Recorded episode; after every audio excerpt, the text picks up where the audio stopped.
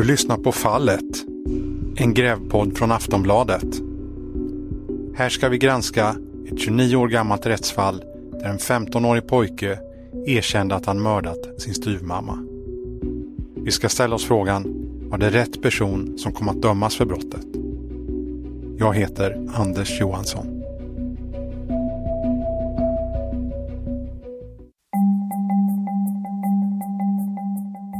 Ni trogna lyssnare vet ju vid det här laget att det inte finns så mycket som talar för att Samir dömdes på riktiga grunder. Bevisen mot honom håller inte enligt de experter jag tagit hjälp av. Och personer i den närmaste kretsen har berättat saker som bara styrker den bilden. Det är Samirs version att han är vittne, inte gärningsman, som framstår som mest rimlig. Därför är det dags att höra hans beskrivning av vad det var som hände i Tensta den här morgonen den 21 maj 1986. Och vad händer nu? Hur ser advokaten på alla nya uppgifter som kommit fram rent juridiskt? I våra samtal har Samir berättat om viljan att få upprättelse. Han vill bli av med stämpeln som mördare, få en ursäkt för den dom som ledde honom in i en kriminell karriär som kom att vara i över två decennier och som ledde till många andra människors lidande. En upprättelse är en viktig del för att han ska kunna fortsätta bearbeta sitt förflutna, för att bli en hel människa igen. Ett första steg i den riktningen fick han 2009 när hans pappa låg för döden. Han berättar att han efter ett helt liv av ilska plötsligt blev av med den helt oväntat. Han var på sin dödsbädd. Då kunde inte han, det låter konstigt, men han kunde knappt röra sig. Alltså först då vågade jag eh, säga de djupa orden, om man säger så.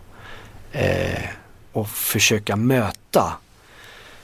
Eh, det var som att liksom att nu kan inte han hoppa upp och slå mig. Eh, fast han har aldrig slagit mig. Han har aldrig slagit mig, han har aldrig gett mig en örfil. Men man kan bli skadad på ett helt annat sätt. Du kan psyka en annan person. Psykisk anser jag är nog värre än att få en örfil. Om du får en örfil så får du liksom ett lite rött märke och sen är det borta kanske. Men det finns ändå en känsla kvar. Va? Men eh, där jag vågar säga saker och ting till han och jag nämnde det till han. Han slog ifrån sig först. Att nej men skyll inte på mig. Att eh, alla dessa år du har suttit i fängelse, allt det här, att det som har hänt det här. Skyll inte på mig att eh, det är jag som har gjort allt det Jag bara, nej pappa. Nu för en gångs skull i livet så tar jag tillbaka mitt liv. Jag ska ta, det är mitt ansvar. Du har inte sagt till mig jag ska gå och skjuta någon. Du har inte sagt till mig jag ska gå och råna en bank. Du har inte sagt det ena och andra. Och varje gång jag sitter fast och jag sitter inne på kåken så anklagar jag dig. Men det är jag som har mitt eget val egentligen. Det är jag som har valt det. Men varför jag pekar på dig pappa, det är för att du, du har varit närmast för att det är du som har gjort den här redan när jag var 15 år. Det var där det började. Och vi har inte ens gått in i allvar och pratat om det här. Där har du själva nyckeln, kärnan, alltså grunden av min ilska och hat som det har kommit ifrån där. Och där sa jag till min pappa att eh, jag förlåter dig pappa, inte för det du har gjort men jag vill försonas med dig. Jag vill bli din, jag vill bli din son igen, jag vill bli din kompis, jag vill bli din du har så liten tid kvar. Men han slog ifrån där. Men det tog ett par veckor till, där en eller en vecka till där han, ja kom min son, jag vill, jag vill berätta någonting. Och då har min pappa aldrig, han har aldrig erkänt någonting från mig. Aldrig. Allt han har sagt det är, det, det är rätt. Det finns ingenting annat. Så att eh, han Va, sa... Vad sa han då? Han sa att eh, det jag gjort, det har varit fel.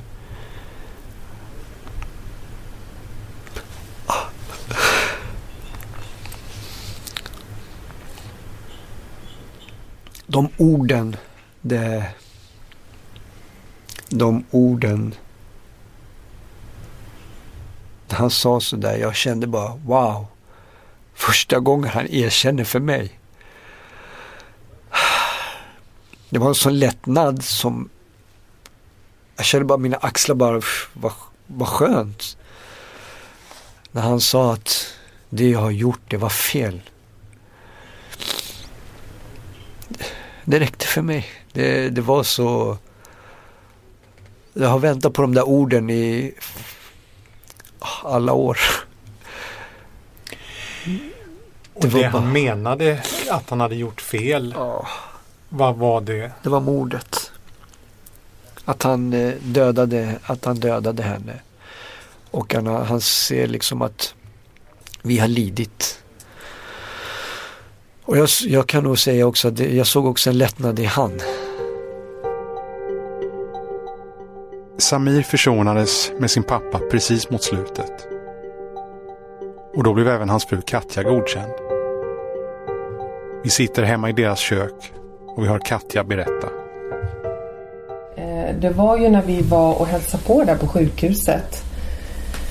När eh, jag tror inte han hade mer än två veckor kvar och det var precis innan han eh, han kunde knappt prata.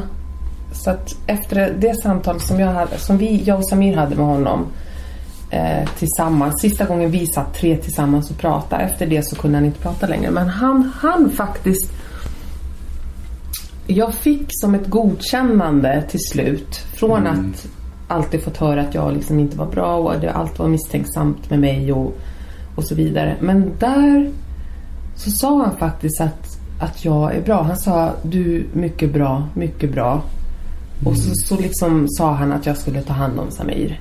Mm. Eh, och eh, där vart jag godkänd. Mm. Och, och, och, då var det nog första gången jag såg att han var glad på mm. något sätt över att du ändå hade mig. Ja. Så det var som att han tittade på mig att nu, nu tar du över här och så ska du få ta hand om Samir. Och typ att se, se till nu att det, det, här blir bra. Och, och, hur det började det där, det var, det måste jag tillägga för det, det, det, det var när jag och pappa när vi, när vi satt där vid, vid, vid sängen och, och det här är, det är ju första gången när min pappa, vi pratar syrianska. Och då säger min pappa eh, Du ska veta att eh, du har en bra fru. Eh, Katja hon är, hon är bra. Hon, hon tänker på dig och hon är god. Och, och jag blev så lite chockad för han har aldrig sagt det. Det är första gången han säger det. Då reagerar Katja och säger Vadå? Säger han någonting fult igen till mig när jag är på dödsmedden? jag kommer ihåg, hon reagerade så starkt. Och jag, bara, och jag, jag tror jag till och med fick tårar. Mm. Och jag vände mig till Katja och jag bara, nej du anar inte vad han säger. Han säger att du är bra, du är god. Mm. Och det är positivt. Mm. Och då vänder han sig om till Katja och säger, du är god, du är god. Du är bra, liksom. du är bra. Du är bra. Du är bra. Du är bra. Och det kommer jag aldrig glömma. Och det, det, det, det, det, det fanns godheter hos min fader, absolut. Jag tycker det är tragiskt att inte han har fått den hjälpen. Mm. För han var väldigt, väldigt sjuk. Väldigt, väldigt sjuk. Man kan ju det... säga så här att det tog liksom 25 år att bli godkänd va?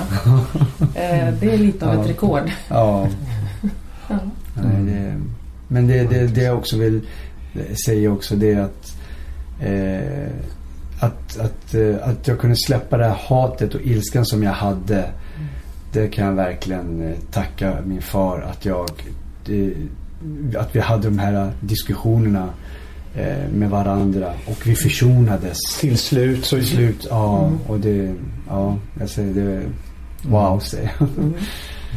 Jag vågade efter 30 år. Under ett helt liv, under 30 år, var mordet ett tabubelagt samtalsämne. Men när väl luften hade rensats märkte Samir hur en stor lättnad infann sig. Både hos sig själv och hos pappan som han uppfattade det. En minst lika viktig del är en upprättelse och ett erkännande från rättssamhället. Ett erkännande att också samhället gjorde fel. Den kampen fortsätter. Ett steg på den vägen kom förra helgen. Precis innan det här avsnittet spelas in talade jag med både Farida, Samira och Samir de har varit och besökt en släkting som blev uppmanad av Samirs pappa att giftmörda Farida. Släktingen återberättar nu för första gången alla detaljer hur det gick till och hur hon själv blev kallad till biskopen i syrisk-ortodoxa kyrkan dit Farida vänt sig för att få hjälp. Både pappan, släktingen och hennes make kallades till ett möte där kyrkan skulle undersöka vad det var som var sant. Vi ordnar ett trepartssamtal där Samir och Farida är med på en skrapig linje. Nej men mamma, du, du får berätta när pappa och när, när Ja. biskopen frågade ut dem. Jaha, ja just det, just det. Ja, du får Eh, berätta. biskopen, Mm. han frågade och eh, hennes man, de satt eh, i, i vardagsrum, eller jag vet inte, i kontoret. Och det fanns prästen och det fanns chauffören också till prästen. Ja, eh, pre, eh, biskopen han frågade, det är sant han hämtat den här giftet, att du ska ge till Farida? Hon sa ja. Och han frågade samma sak.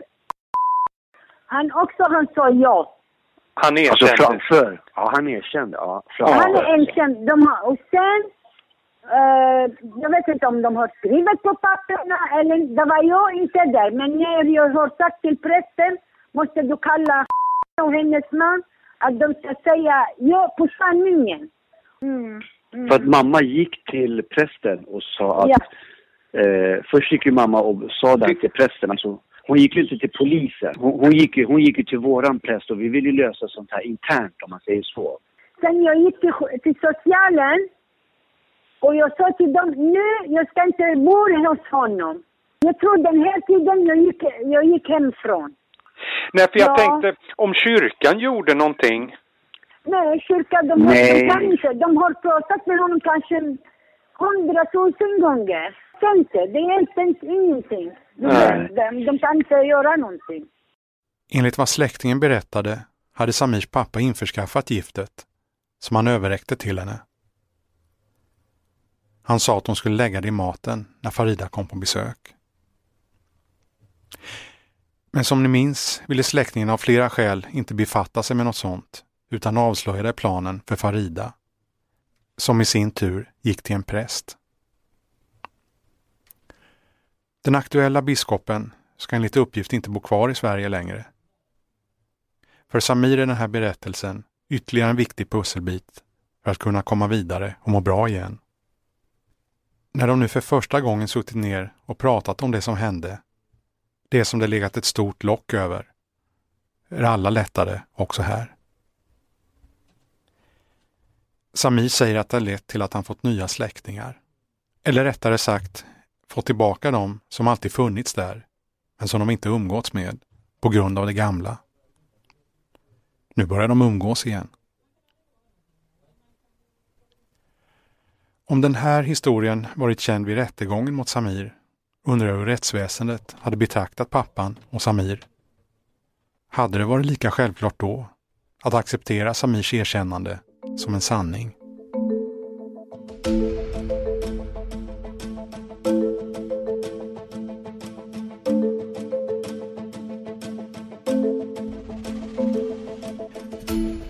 Tidigare har jag av pensionerade kommissarien och kriminalteknikern Sonny Björk fått beskedet att det finns tekniskt material sparat. Trots att Samir tidigare fått höra att det var slängt. Det ska ligga i det så kallade mordrummet i polishusets källare. Jag begärde därför att få ta del av en förteckning över materialet. En jurist vid polisen har granskat min begäran och därefter gett instruktion till Christer Widemalm vid tekniska roten. Och nu ringer han. Då har du kunnat kontrollera nu vad det är som finns där nere i mordrummet. Ja. Eh, jag har ju inte gått igenom materialet, som, men det, det har gått igenom tidigare eh, när vi har inventerat det och, och allt är registrerat i, i vårt system. Så eh, det som står här, det ska också finnas där nere.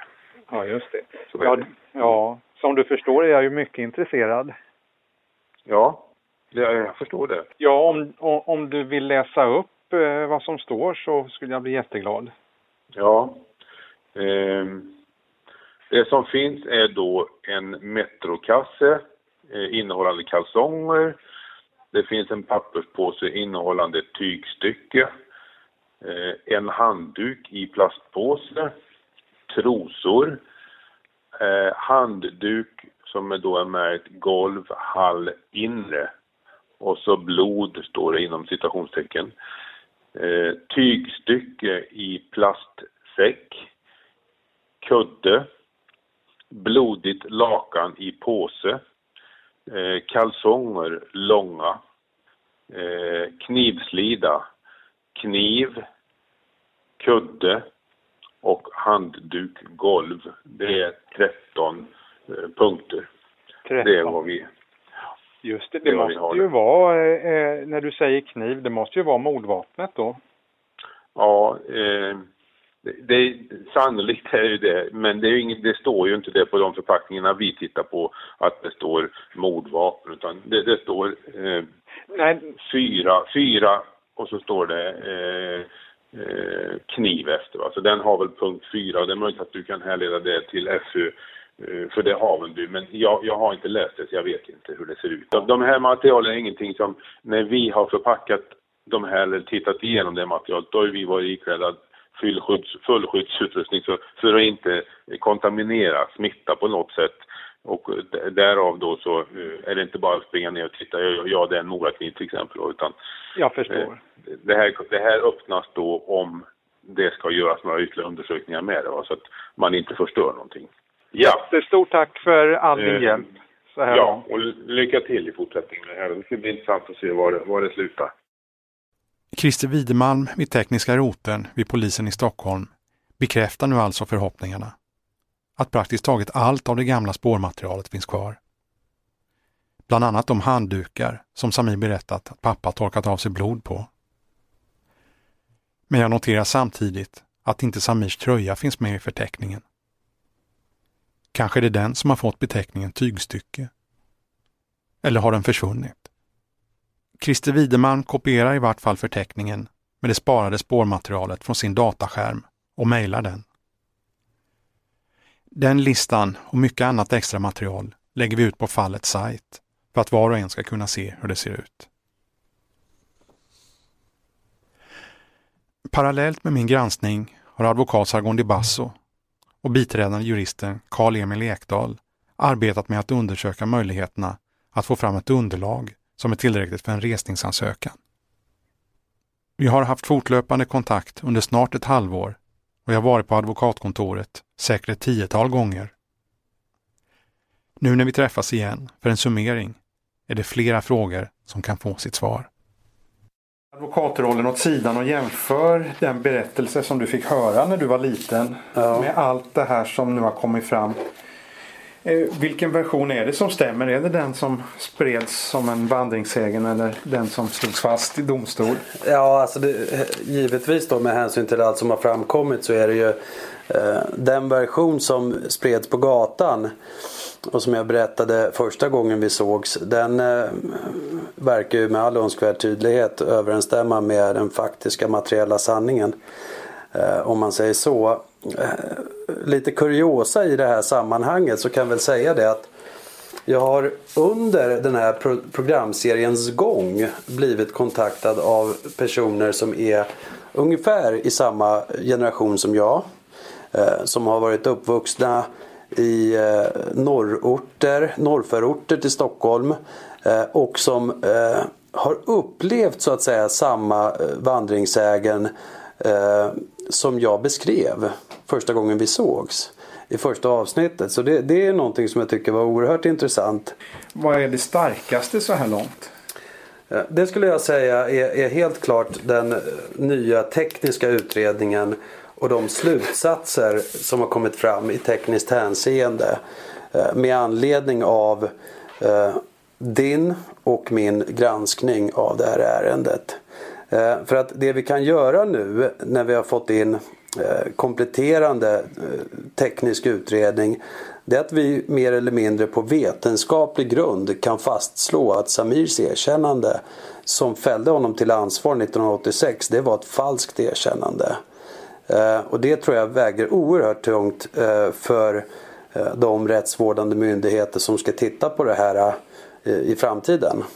Ja, för både Sonny Björk och eh, Olle Lindqvist, rättsläkaren och kriminaltekniker, de har ju de har ju lämnat eh, eh,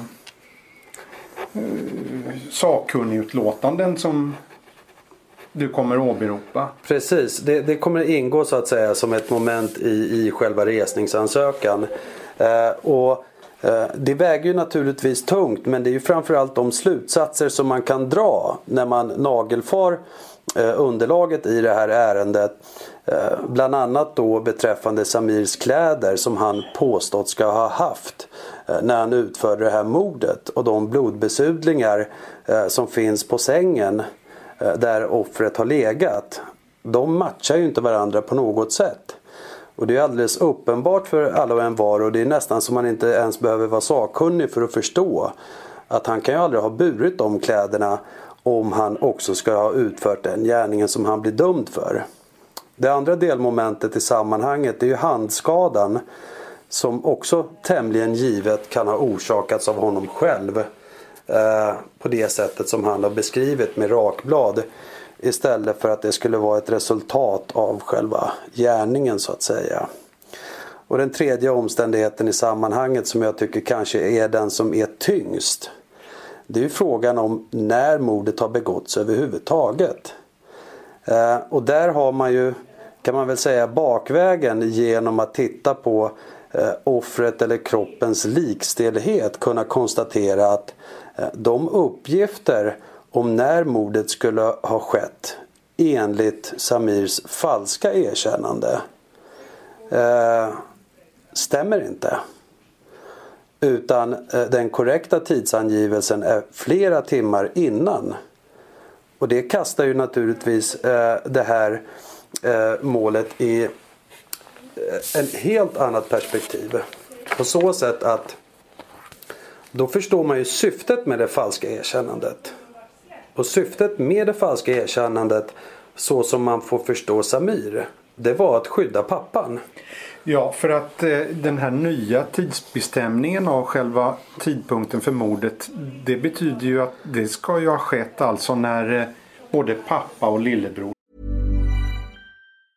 Ruby Frankie was known by millions as a very tough mom. That's exactly the way she wanted it. The social media star amassed a huge following of supporters and detractors alike, preaching the values of strict discipline. But you'll learn in a new podcast available exclusively on Wondery Plus how the small empire built by this momfluencer crumbled the moment her 12 year old son escaped their home and called 911.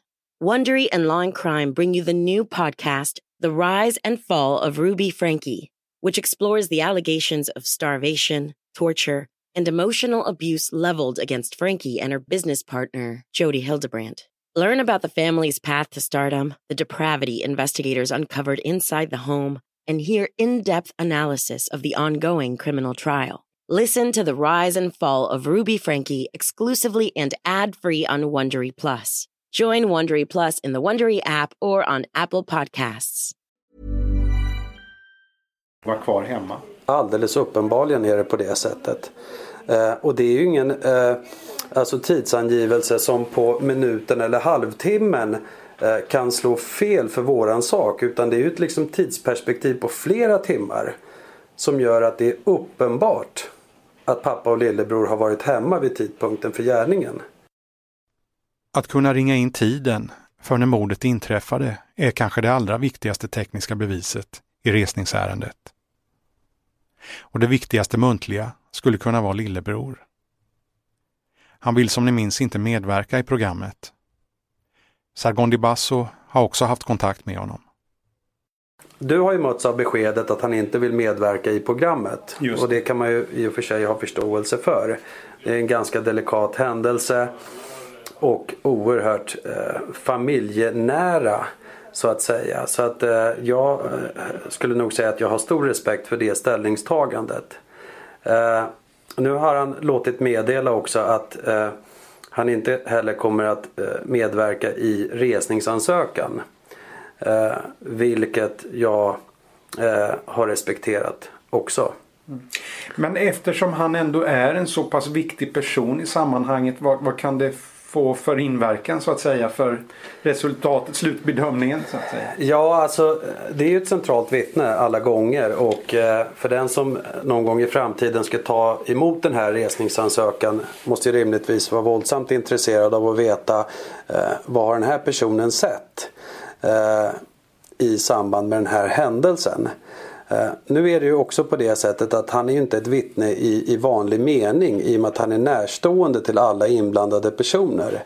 Eh, så att det står ju honom fritt om han vill medverka så att säga eh, i en framtida rättsprocess. Och med hänsyn till, och det är lite så här som jag känner va. Med hänsyn till att det är ett så oerhört känsligt ärende och det är liksom en familj som är åtgången. Eh, och vilka bevekelsegrunder man kan tänkas ha och så vidare. Det kan jag rimligtvis inte lägga mig i och lägga någon värdering i heller. Va?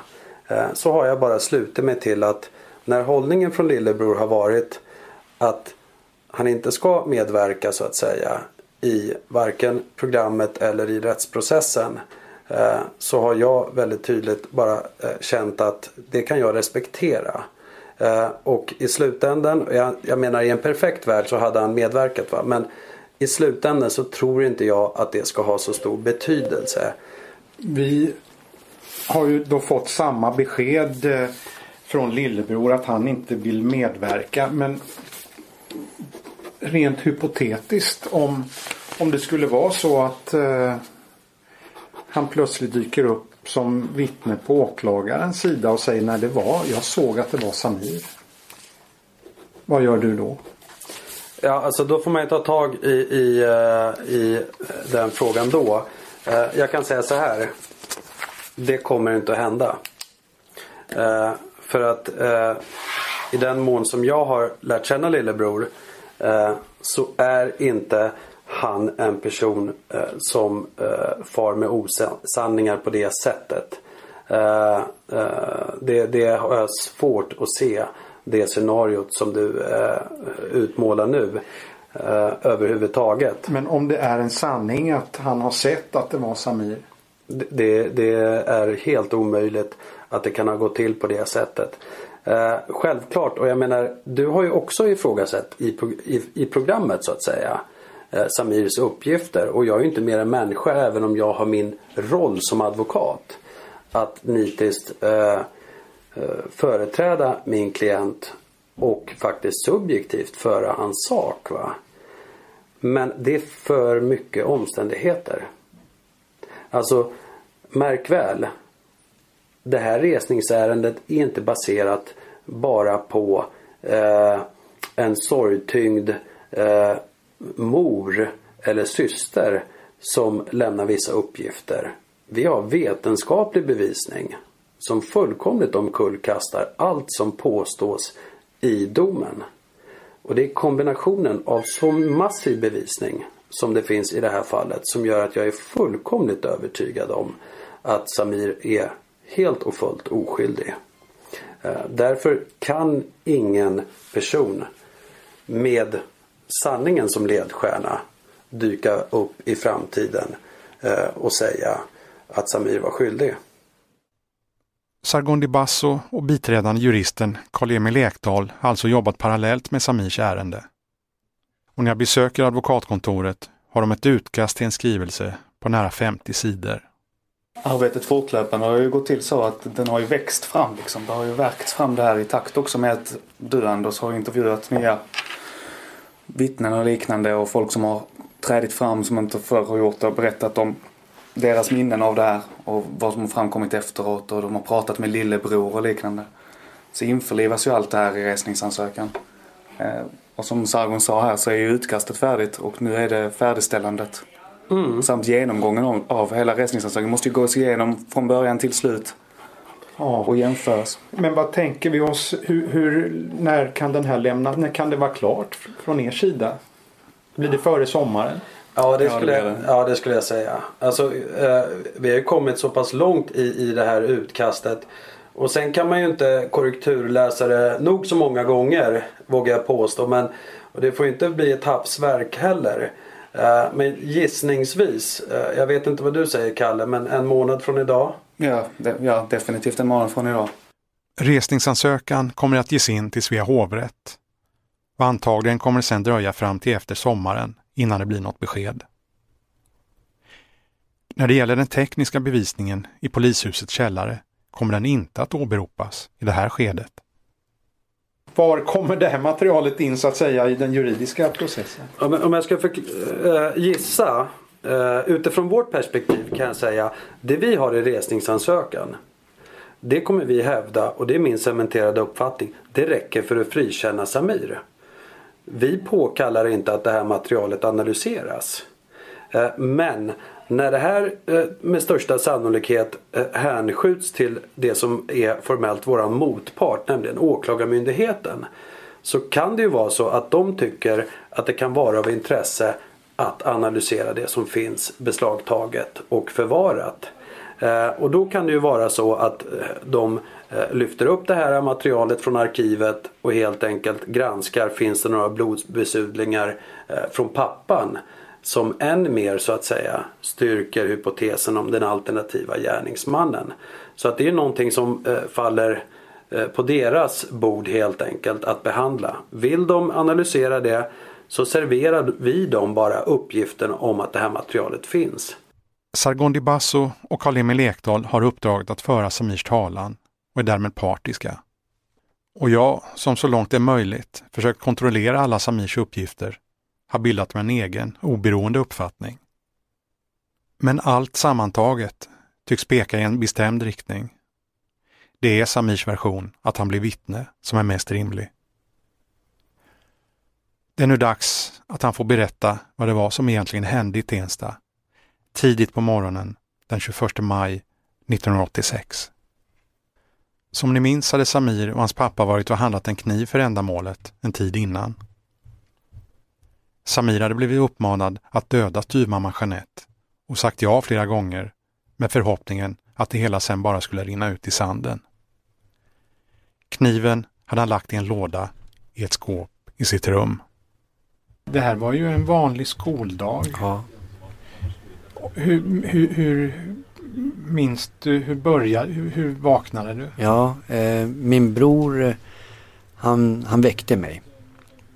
Och samtidigt som han väcker mig så hör jag skrik i sovrummet. Och, och kniven låg i en sån här bord, nattduksbord eller vad det är, en sån här vad nu kallas. In i ditt rum? I mitt rum. Ja. Där, där jag hade lagt kniven. För han ville ju att jag skulle döda henne. Och jag sa till mig själv, jag kommer aldrig göra det. Nej. Och eh, det var så här jalusi. Så den var ju uppdragen och så var kniven borta. Där kom jag ihåg att jag, jag såg att det fanns ingen kniv där så jag kopplar ju på något sätt om jag hör skriket. Så jag rusar ju upp och jag springer in till sovrummet. Och eh, min bror han skriker och gråter och eh, sen när jag kommer in där då ser jag då ser jag att han står och knivhugger henne. Och min bror kommer efter mig och jag tar tag i han och trycker han mot, mot eh, mitt bröst.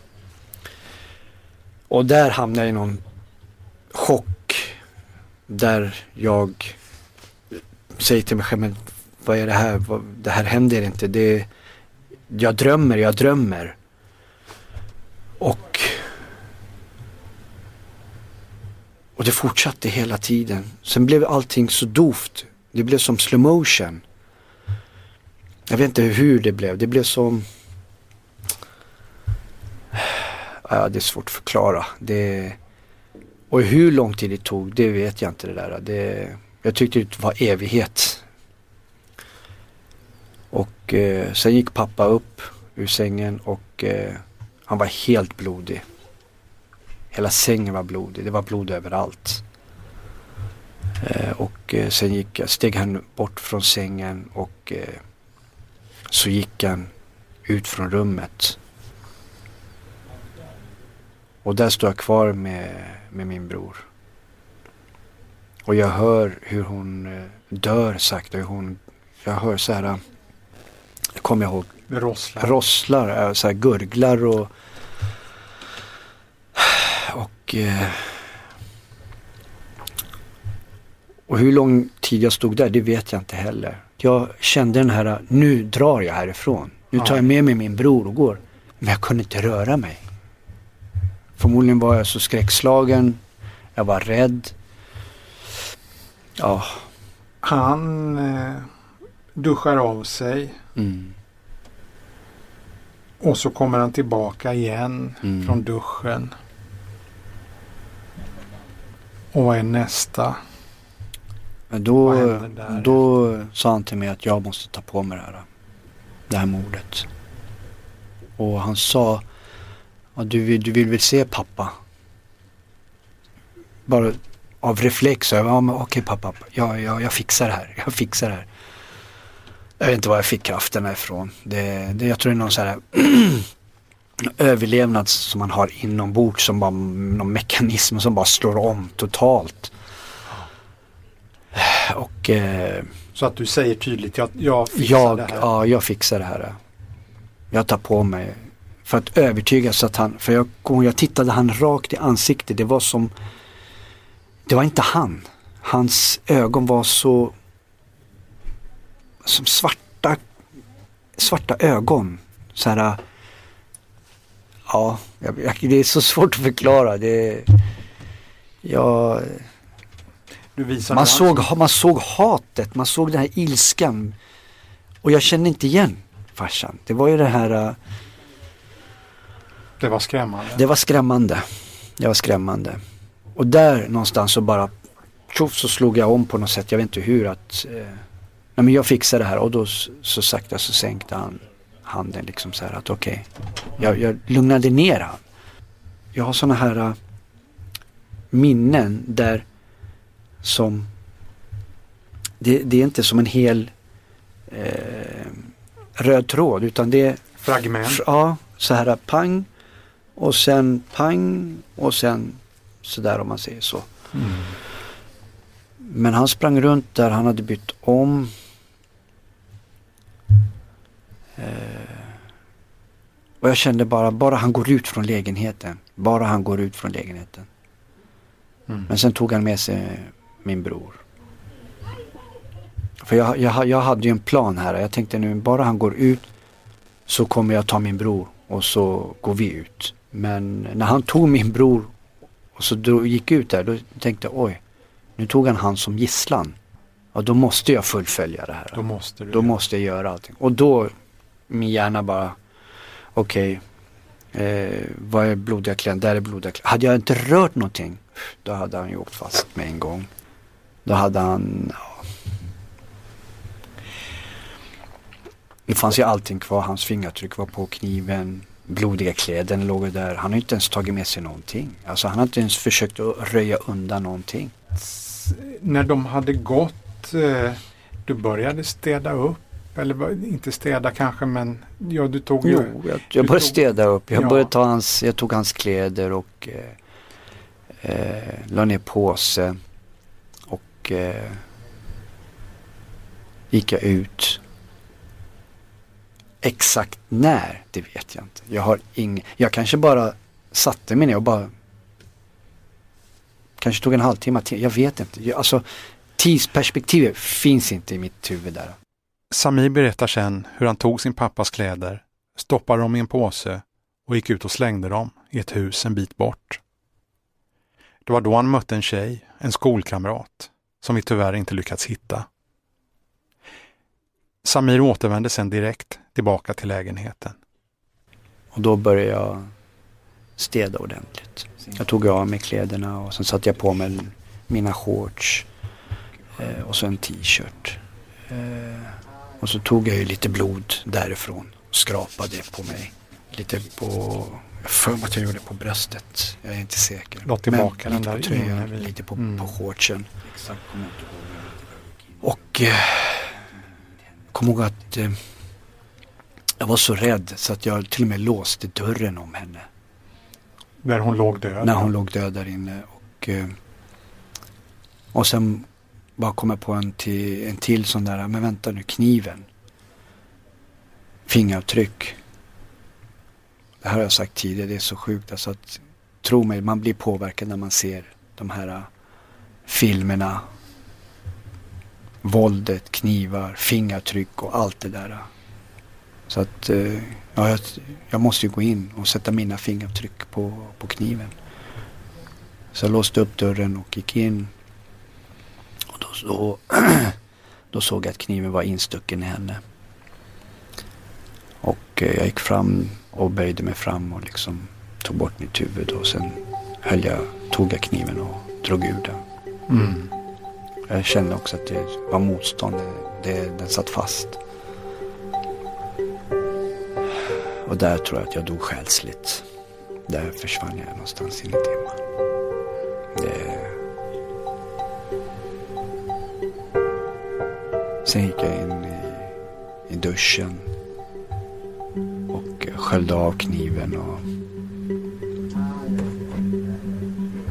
Och eh, satte mina fingrar fingertryck på kniven. Och så la den där. La tillbaka den La tillbaka in, kniven. Ja. Exakt kommer jag inte ihåg men jag vet att jag gick in i rummet och så la jag antingen bredvid henne eller någonting sånt där.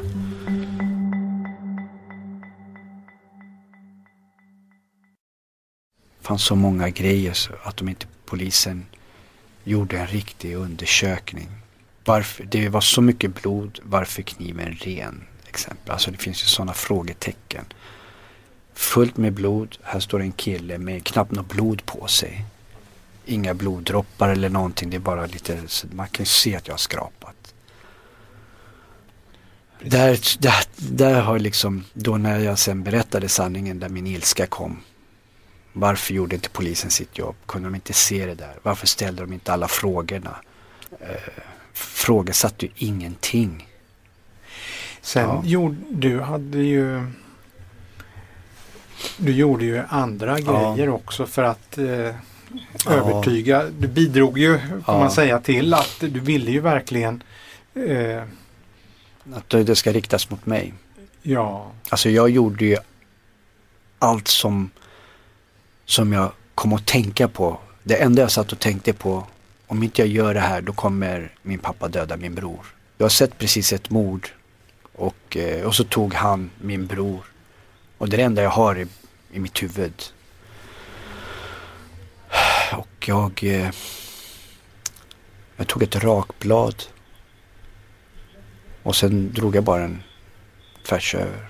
Och varför jag gjorde så, det är för att jag såg att min pappa blödde. i Han, handen. blödde, han alltså. blödde i handen. Då fick jag en idé där. Men då tar jag och gör det där på min hand. Och sen ringde du själv till Ja. 90 000 som det var på den tiden. Ja, jag gick ut, jag stängde dörren till med, låste dörren här för mig. Eh, och jag eh, kommer ihåg att jag, jag satte mig på, där man har en telefonbord, så kan man sitta bredvid, så har man en liten låda. Ja. Vad, vad heter en sån? här? Ja, Gam, det var på gamla tiderna, Ja, på precis. 80-talet, det var en sån här telefon fåtölj, ja, kallas. ja, något sånt, precis. Ja, något så att du kunde sitta och så har du ett litet bord, så har du telefonen där. Ja, just det. Och så, och så ett kanske, litet bord, eller sådana som man drar ut där. Ja, kanske katalogen då. Ka- ja, och det var där jag liksom satt. Jag vet inte hur länge jag satt där. Så att... Eh, ska jag ringa nu? Nej, vänta. Ska jag ringa nu? Nej, vänta. Och sen ringde jag bara. Jag för mig att jag sa, ja jag har dödat min mamma. Jag tror det var första orden när jag sa så. Men sen, eh, sen satte jag mig ner där och eh, och där, där, där försvann jag på något sätt för att sen får jag en annan minnesbild, bara pang så såg jag fötter framför mig. Då har de tydligen kommit in och då, där tror jag att jag måste också varit chockad. Jag måste varit borta någonstans. Bara gått in i mina egna tankar, inte vet jag. Men jag minns att, eh, att de bara antingen skakade på mig eller något sånt där och då blev jag så här som om jag vaknade upp igen. Att jag, Ja. Eh, och för jag såg fötterna. För, förmodligen så hade jag huvudet neråt. Och eh, eh, sen fick jag gå ner till polisbilen. Jag för mig att jag fick gå ner till polisbilen så åkte vi.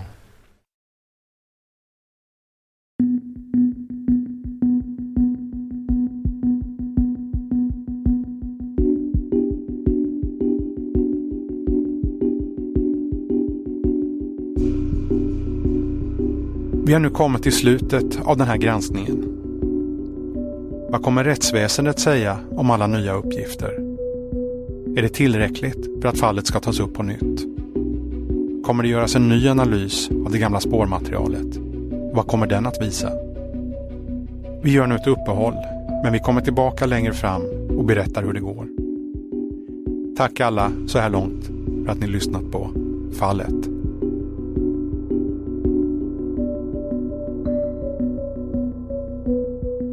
Du har lyssnat på Fallet, en grävpodd från Aftonbladet. För mer information och extra material gå in på fallet.aftonbladet.se. Där kan du också höra av dig om du har uppgifter eller synpunkter du vill dela med dig av. Vill du diskutera i sociala medier, använd gärna hashtag fallet. Reporter och programledare Anders Johansson, producent är Patrik Syk.